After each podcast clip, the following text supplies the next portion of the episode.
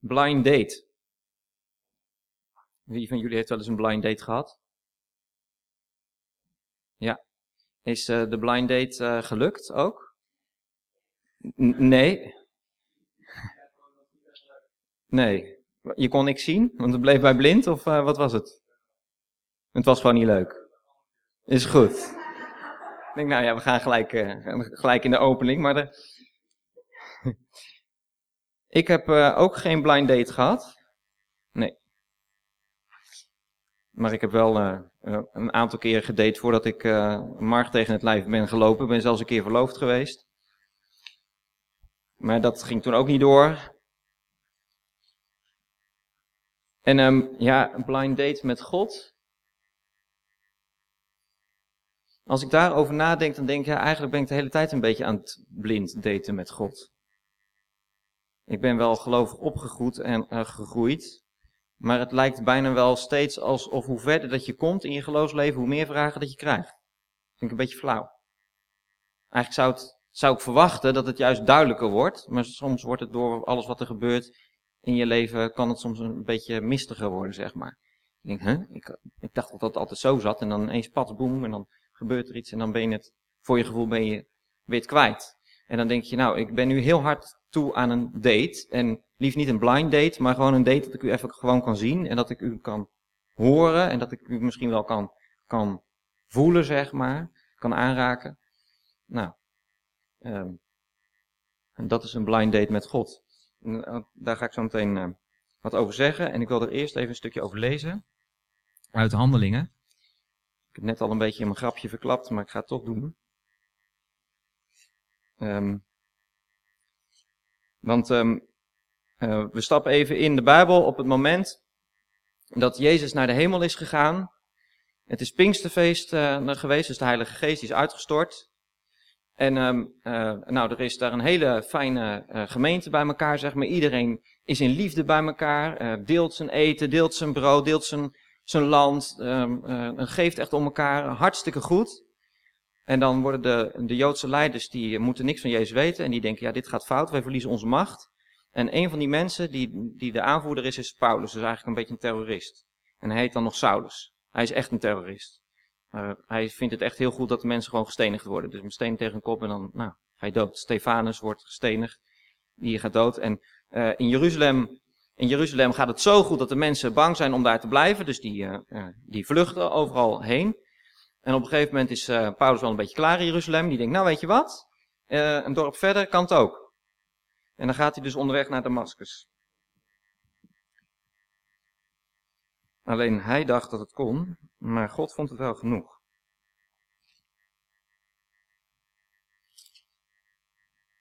Waar stond het ook alweer?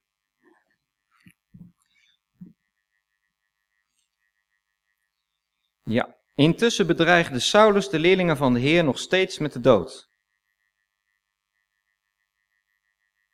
Even op je in laten werken. Ik ben niet zo gewend om zo te geloven. Ik geloof gewoon in vrijheid in Nederland en kan me niks erbij voorstellen dat mijn geloof mijn leven kost. Hier staat gewoon, geloof kan je leven kosten. En als je een beetje over de Nederlandse grens heen kijkt, dan is dat ook zo. Een vriendin van mij gaat met open doors vaak naar landen als, uh, uh, Pas, ergens geweest. Ik mag niet helemaal open, zeg maar, zeggen. Maar um, hoe zei ze dat nou zo mooi?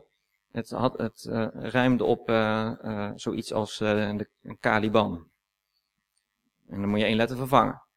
En um, dat, was, dat was Open Doorzicht een beetje tegengekomen. En daar gingen ze Bijbels naartoe brengen. Want er blijkt daaronder ook mensen te zijn die toch wel geloven. En dan brengen ze een, een Bijbel die eruit ziet als de Koran. Nou, kan echt je leven kosten. Hij ging naar de hoge priester met het verzoek hem aanbevelingsbrieven mee te geven voor de synagoge in Damascus, opdat hij de aanhangers van de weg, de weg van Jezus, die hij daar zou aantreffen, mannen zowel als vrouwen, gevangen kon nemen en kon meevoeren naar Jeruzalem. Dus um, de kerk waar Jezus vroeger zelf heen ging, de synagoge, die is tegen Jezus, dus het zijn niet de Romeinen die zeggen, nou pak ze maar op, maar het is gewoon de kerk eigenlijk die ze oppakt. Niet zo best, hè? Toen hij onderweg was en Damascus naderde, werd hij plotseling omstraald door een licht uit de hemel. Hij viel op de grond en hij hoorde een stem tegen hem zeggen, hoor wie klopt daar kinderen? Dag Zwarte Piet de Sinterklaas, we kunnen op geen beter moment binnenkomen. Ik was net bij, hij hoorde een stem uit de hemel en ik zei, hoor, wie klopt daar kinderen? Nou, dat is duidelijk. Sinterklaas. Uh, jullie komen ons uh, verrassen of komen jullie lekker erbij zitten? Jullie komen er lekker bij zitten. Jongen. Vrome Zwarte Piet Sinterklaas. Dat heb ik nog nooit meegemaakt. Ging het goed? Ja?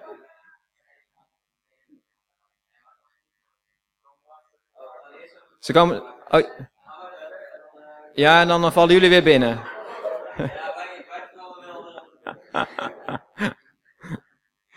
Goed. We gaan ons weer proberen te concentreren. Een stem uit de hemel hoor, wie klopt daar kinderen? Ja.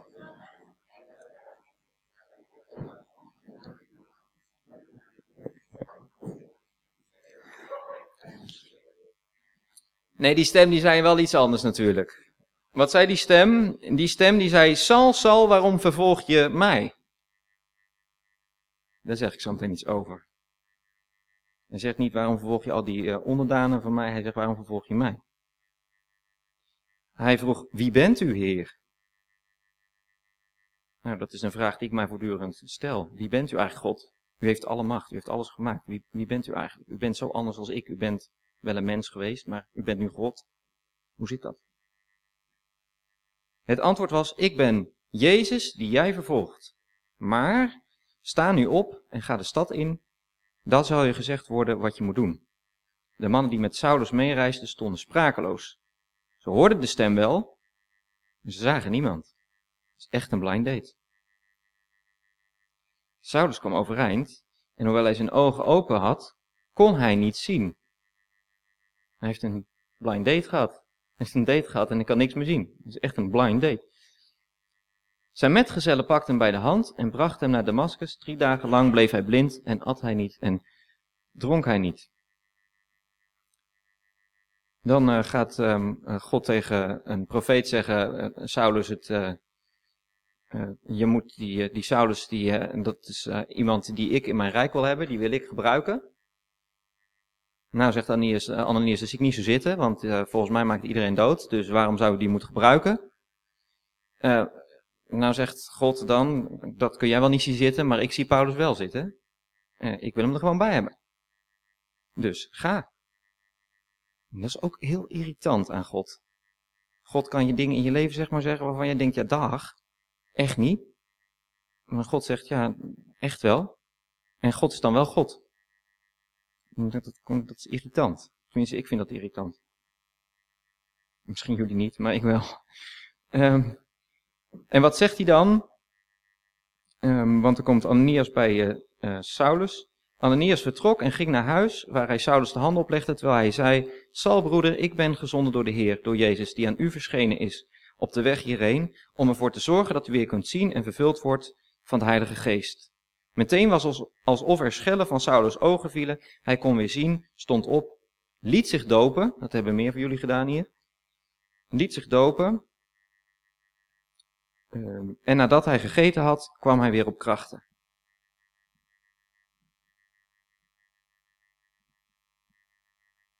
denken om. Hè. Um,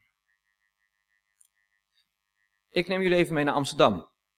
In Amsterdam heb je een blinde restaurant.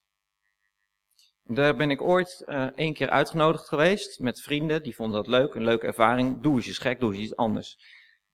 Is er iemand van jullie geweest? Ja, oké. Dan vertel ik voor jullie niks nieuws meer waarschijnlijk. Maar dan vertel ik voor de anderen nog wel eventjes restaurant, dan word je uh, uh, bediend door blinde mensen. En ze zorgen er zelf ook voor dat je niks kan zien. Vooraf, als je binnenkomt in de ontvangsthal, dan zie je nog wat. Dan wordt er nog netjes aan je gevraagd, wat, uh, waar kunt u niet tegen met eten? Ben je nog ergens allergisch voor? Lust u iets echt niet? Dat vroegen ze bij ons. Nou, nee, ja, volgens mij niet. Ja, noten vind ik niet zo heel erg lekker, maar dan nou, hield het wel op. En vervolgens um, kwam een blinde ons ophalen moesten we hand op de schouder leggen van die blinde. En vervolgens liepen we een soort van spookhuis in, waar uh, vier zware gordijnen gingen we door. En daarna was het aardedonker. Je zag echt helemaal niks. Ook niet nadat je dacht van, nou, nou ben ik wel gewend aan het donker, dan zie ik wat. Je ziet echt niks. De hele tijd gewoon niet. En dan word je dus naar je tafeltje gebracht. En dan moet je gaan zitten. En je moet het ook niet in je hoofd halen om op te staan en denken van, nou weet je wat, ik ga nu maar even naar de wc. Want dan loop je een blinde tegen het lijf. Die met borden en zo daar probeert om het eten bij jou te brengen. Uh, nee, als je naar de wc moet, dan moet je eventjes uh, zeggen, uh, is er iemand die me naar de wc kan brengen? Dat is heel fijn daar in dat blinde restaurant. En dan kun je naar de wc, zeg maar. En dan moet je even wennen aan het licht, want dat gaat niet in het donker, gelukkig. Maar het eten wel, het eten wel. En dat vond ik moeilijk, joh. Want dan heb je het bord en dan, nou, dan, dan krijg je dus iets. En je weet niet wat. En je kunt het niet zien. En je kunt het met je neus boven hangen, maar ze maken het natuurlijk wel zo dat je het niet herkent. Dus dan, nou ja, dan ga je het maar eten in een soort van, ja, een soort van drap of zo. Ja, weet ik veel. Ja, nou, ja, eten, ja, wat, is dit eigenlijk? Nou, eet smakelijk, hoor je dan nog ergens? Ja, dank u wel, wens me maar sterkte. Nou, dan ga je beginnen en op een gegeven moment dacht ik, nou, ik heb het wel door volgens mij, nou, een bord is wel leeg. En, en vervolgens legde ik heel enthousiast zo mijn vork zo neer, zo in al het eten wat van mijn bord blijkbaar afgeschoven was. Wat ik dus helemaal niet had gezien, maar er lag meer eten om mijn bord. Als dat het gewoon van mijn bord zeg maar in mijn maag was gekomen. En daar zegt Margret, uh, wil je nog water? Ja hoor, ik wilde wel water. En ze dacht, en ze dacht nou ja, dan doe het wel eventjes. Een glas water en ze goten natuurlijk lekker het water zo op mijn schoot en overal. je toch niks. En je krijgt de meest rare gesprekken, want als je dus nu je ogen dicht doet, zeg maar, en je blijft gewoon zo praten, dat hou je eventjes vol. Maar op een gegeven moment wordt het een beetje irritant, want dan denk je, ja, hoe reageren de mensen eigenlijk? Wat, wat, wat doen, zeg maar? Je bent dat contact kwijt. Het is of dat je een beetje s'nachts in je tentje, zeg maar, ligt en dat je op een gegeven moment gewoon maar gaat slapen, want ja, er is geen gesprek meer te voeren. Waarom dat hele verhaal? Nou, daar hebben ze, dat is echt de ideale plek voor een blind date. Echt. Doen ze er ook. Je kunt afspreken met het restaurant dat jij eh, eerder binnenkomt, zeg maar, en dan leiden ze jou naar een tafeltje. En dan komt je date, zeg maar, die komt dan een kwartier later of zo. En die wordt dan aan de overkant van je tafeltje neergezet. En dan kun je ook weer één voor één weggaan, zeg maar, zonder elkaar te zien. Dat is helemaal spannend. Dat kan. Hartstikke leuk. Leer je nog eens wat, hè, van ome Timo, ja. Een blind date. Maar ik zou het nooit doen. Ik zou het echt nooit doen. Ik weet het niet. Als je date, en zeker ook als je date, ja, ik weet niet waarvoor je date, maar meestal als je date, dan date je toch omdat je, nou, in ieder geval ook iemand voor je wil zien op een gegeven moment. Tenminste, heb ik dan wel. En wel een beetje zien of dat het er leuk uitziet en zo. En of dat je het een beetje goed hebt ingeschat. Ja, om het maar een beetje in het duister te laten, zeg maar, in onzekerheid. Ik wil, het toch, ik wil gewoon een echt gesprek, zeg maar, voeren. Niet maar een beetje zitten stuntelen met mijn eten en op een gegeven moment denken, ja, dat date ook niet. En dan halverwege weg en zo, al die moeilijkheden. Nee, doe maar gewoon zo.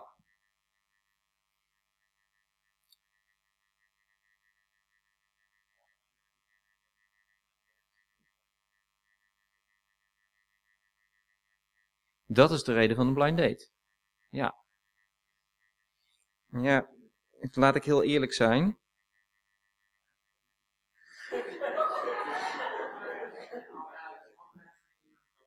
Ja, ik vind dat ook een heel nobel streven, eh, streven hè? want er is nu, er, komt zo meteen een ander programma op tv, dat is, uh, en dan ga je helemaal naakt.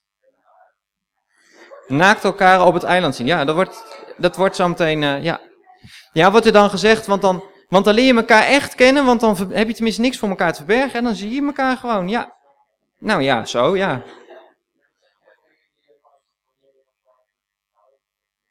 Ja.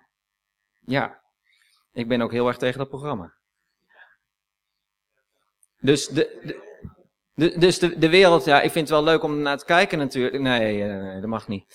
Ja. ja, dat is toch erg? Dat is toch erg, want heel vaak zitten we wel zo te kijken. Hè? Nee, die mag niet, maar ondertussen heb ik wel gekeken, natuurlijk. Miljoenenjacht is ook zoiets. Daar wordt de geldgod geëerd. Hè? Nog meer miljoen, nog meer miljoen, nog meer miljoen. Ik vind het echt een vreselijk tof spel. En het is ook voor goed doen. Ja, zo praat ik mijn geweten ook schoon. Want tussen denk ik, ja, volgens mij gaat hij niet helemaal. Kijk, Linda de Mol, die doet nu weer iets nobels. Hè? Die zegt nou met de, met, de, met geld, nou ik ga het uitdelen, want ik heb eigenlijk te veel, dus ik ga een gezin helpen. Nou, vind ik een nobel streven. Maar dan doe je het eigenlijk nog een beetje voor je eigen ding. En als je gelooft in de Bijbel, nou ja, in God van de Bijbel, zeg maar, dan date je met mensen omdat je God wil eren. En dan ga je met je geld om omdat je daar God mee eren. En ik heb daar in de eerste plaats God mee op het oog. Want in elk dingetje van mijn leven wil ik dat God meespreekt, meespeelt, meedoet, meegaat. Want wat zou ik aan een tafeltje doen zonder God? Met een leuke vrouw. Met een hele leuke avond. Misschien heel, score ik heel lekker mee. Is goed voor mijn ego. Misschien ook nog wel voor mijn libido. Weet ik veel. Maar dan is het wel ongeveer, dat, dat is wel het plafond, zeg maar. Maar het doen met het oog op God, dat vonden mensen heel erg raar hoor. Toen ik uh, dat vertelde. Toen stond ik nog voor de relatie. Wat? Geen seks voor het huwelijk? Doe je dat niet? Je moet elkaar toch weten kennen. Je moet elkaar toch intiem bereiken, zeg maar. Je moet toch weten wat er in de ander omgaat. Ja, is dat alleen maar op die manier dan? Moet alles zichtbaar? Moet alles. Of mag er ook iets onzichtbaar blijven? Blind blijven? Zoiets als vertrouwen. En een beeld loopt altijd dood. Hè? Als ik dat nu ga toepassen op, op God, dan gaan, we, dan gaan we ergens zeg maar een fout. Want ik mag hopen dat mijn Gret maar één date heeft. En dat is met mij en niet met iedereen van deze wereld. En met God is het nou echt wel zo dat God date met iedereen. Dat verandert je misschien ook, maar God, God wil jou wel voor zichzelf, zo is hij dan wel weer. Dus hij wil jou wel helemaal, maar ondertussen wil die iedereen helemaal.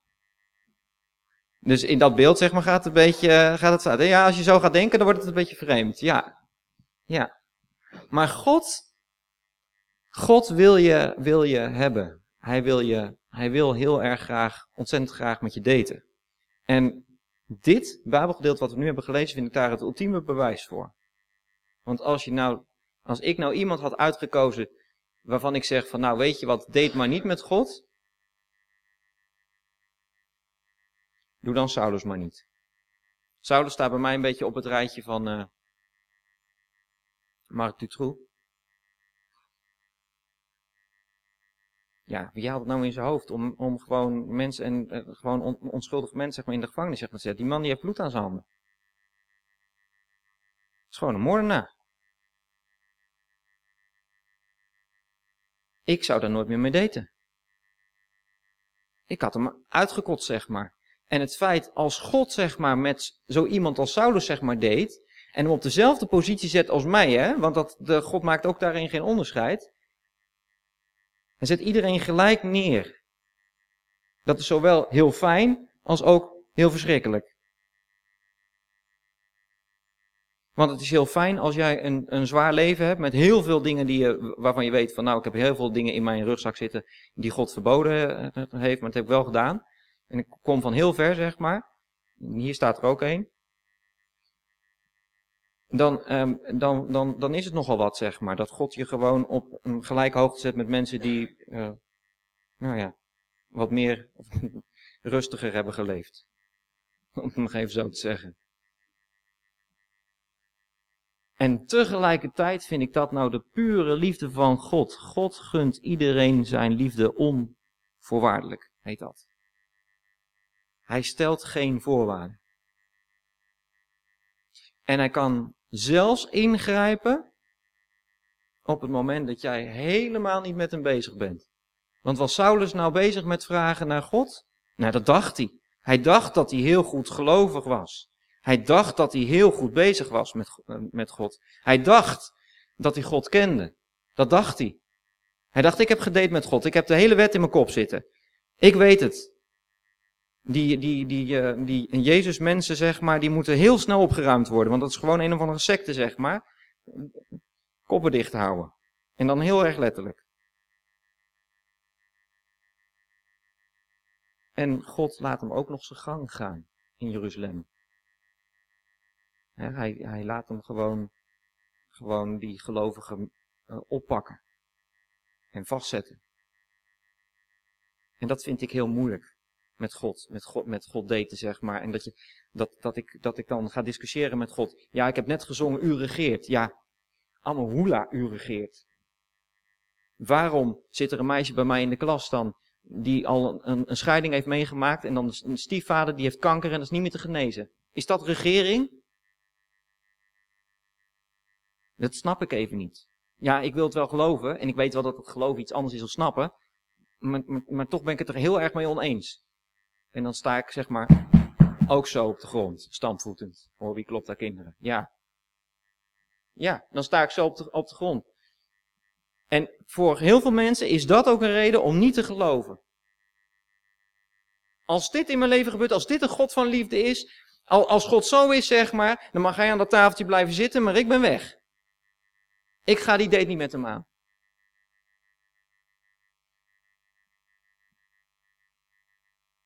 En in dit verhaal wordt het nog zelfs omgekeerd.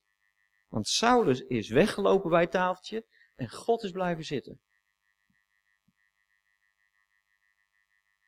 En hoe onbegrijpelijk ook dat hij dan in Jeruzalem de ruimte zeg maar krijgt, op een gegeven moment is voor God de maat vol. En dan vind ik het fantastisch dat ik lees dat God ingrijpt. Dat vind ik een fantastische boodschap, omdat ik, uh, omdat ik zelf ook soms heel erg klem zit in mijn leven. Dat het allemaal, allemaal gezapig is en, en het gaat altijd op dezelfde manier en het is een beetje een sleur en ik leef niet vanuit passie en ik, ik ben niet eens meer verliefd. Ik ben gewoon Timo, ik ben gewoon 32, ik ben gewoon, sta gewoon op en ik ga naar bed en ik werk en ik sta op en ik ga naar bed en ik werk en ik sta op en ik ga naar bed en ik werk en dat, dat het dan een beetje zo iets als, ja, dat, zeg maar. En ik heb wel God ontmoet hoor. En God heeft wel ingegrepen. En ik heb super ervaringen gehad. Maar, maar nu, hè, nu is het gewoon een soort van. Uh, zo, droog. Niks.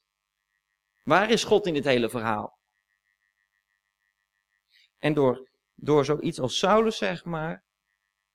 Dat, dat, dat doet me weer, weer herinneren dat, dat God zelf ook. Natuurlijk heb ik een verantwoordelijkheid om aan die tafel te gaan zitten en om te gaan daten met God. Dat is iets van mij, hè? Kan gaan zitten wachten op God en gaan doorleven met God, maar dan laat ik God gewoon een tafeltje zitten. Dus het is mijn verantwoordelijkheid, zeg maar, om ook aan het tafeltje te gaan zitten en om met God te gaan daten. Om God God te laten. En om te zeggen, God, wat wilt u vandaag? Zo je dag te beginnen, maak je dag anders. Maar stel je voor dat ik nou gewoon verder wegloop bij de tafeltje vandaan. En nog, en nog verder, en nog verder, en nog verder.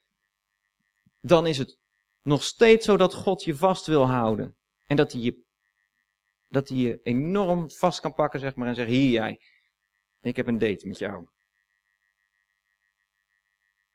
En als je aan mijn volgelingen komt, dan kom je aan mij.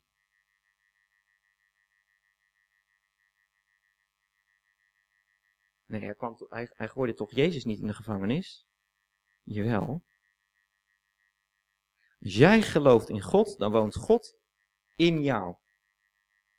Dat is iets onbegrijpelijks, maar dat is zo. God ziet jouw lichaam als zijn woning. En dan woont God in jou. En als God naar jou kijkt, dan ziet hij niet als eerste jou. Timo 32 trouwens. Zo. Maar dan ziet hij eerst Jezus. En dan pas volgt de rest. Dat is vet, hè? Want als je zo kijkt naar elkaar, dan ben je een gemeenschap waar allemaal zeg maar, God in woont. En dan ga je ook met respect zeg maar, met elkaar om. Want je bent gemaakt door God, je bent bedacht door God. Je bent geliefd door God en God woont ook nog eens een keer in jou. En daarom als je aan zijn volgelingen komt, dan kom je aan hem. En Paulus, die die, die, wordt er, die wordt erbij gesleept. En het is voor hem super verwarrend, want hij dacht dat hij op de goede weg was. En nu ineens, patsboom, gaat God zomaar, zet zomaar een streep door zijn leven, leven heen. Een bliksemflits, levensveranderend. En een date is vaak levensveranderend, toch? Dan blijft je altijd bij. En bij mij is het na de vierde keer gelukt, maar ik weet ze alle drie nog heel goed. En ik weet ook precies hoe het ging. En de tweede date, zeg maar, was bij mij was ook zo'n bliksemflix. Ik keek uit het keukenraam en ik keek haar in de ogen en het was waaah! Zo. De liefde ging zo, hè, dat, dat voelde je gewoon. Dan kon je bijna aanraken. En dat is het laatste wat ik wil zeggen, want dan ben ik al lang over een kwartier. Want liefde is iets onzichtbaars. En bij blind date kan, kan een beetje de vraag komen, eh, dat, is het wel waar? Ik heb God nog, ik heb God toch niet gezien? Ik heb, hoe kan het nou dat, dat, dat het zo onzichtbaar blijft? Kan ik dan wel van hem houden? Als die onzichtbaar blijft. Er staat zelfs in de Bijbel dat God het heel bewust doet. ergens verder in handeling. Dat God onzichtbaar is. Dat hij zo is.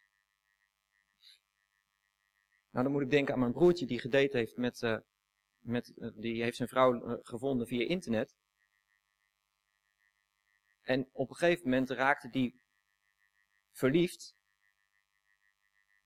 op haar, terwijl die, dat hij haar nog nooit had gezien. Alleen maar door te praten.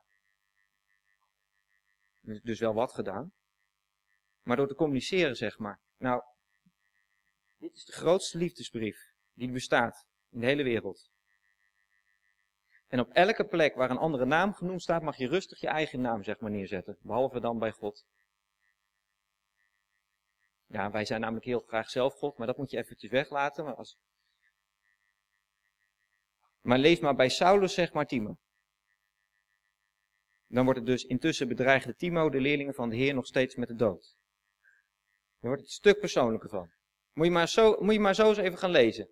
Want, want dat, kan, dat kan, kan iets heel anders doen met de tekst. Dan komt de tekst helemaal tot je, zeg maar. Wat heeft God op mij te zeggen? Daar gaat het om. En God kan door ditzelfde gedeelte iets anders tegen mij zeggen als tegen jou zeggen. Dat is een God. En ik denk juist dat, dat, dat zulke dingen in het gewone leven, die bewijzen dat je door te communiceren, terwijl dat je elkaar niet eens hoeft te zien, maar dat je wel iets kan voelen, dat je heel veel kan voelen, dat je zelfs verliefd kan worden, dat zelfs de liefde van je leven kan zijn. Dat is voor mij ook een groot houvast in het kennen van God. En bovendien, stel je nou voor dat God te zien was.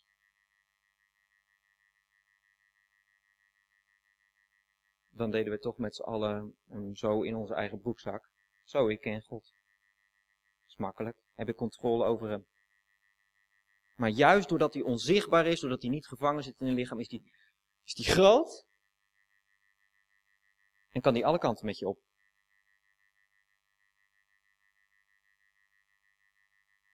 Dus daten is best eng met God. Want het is echt totaal iemand anders. Maar God die heeft je zo verschrikkelijk lief. Hij heeft zijn zoon ervoor over gehad. Het liefste wat hij had. Het mooiste geschenk. Kijk naar het kruis. Dan weet je hoeveel dat hij van je houdt. Hij ziet je zitten. En hij wil super graag jou hebben.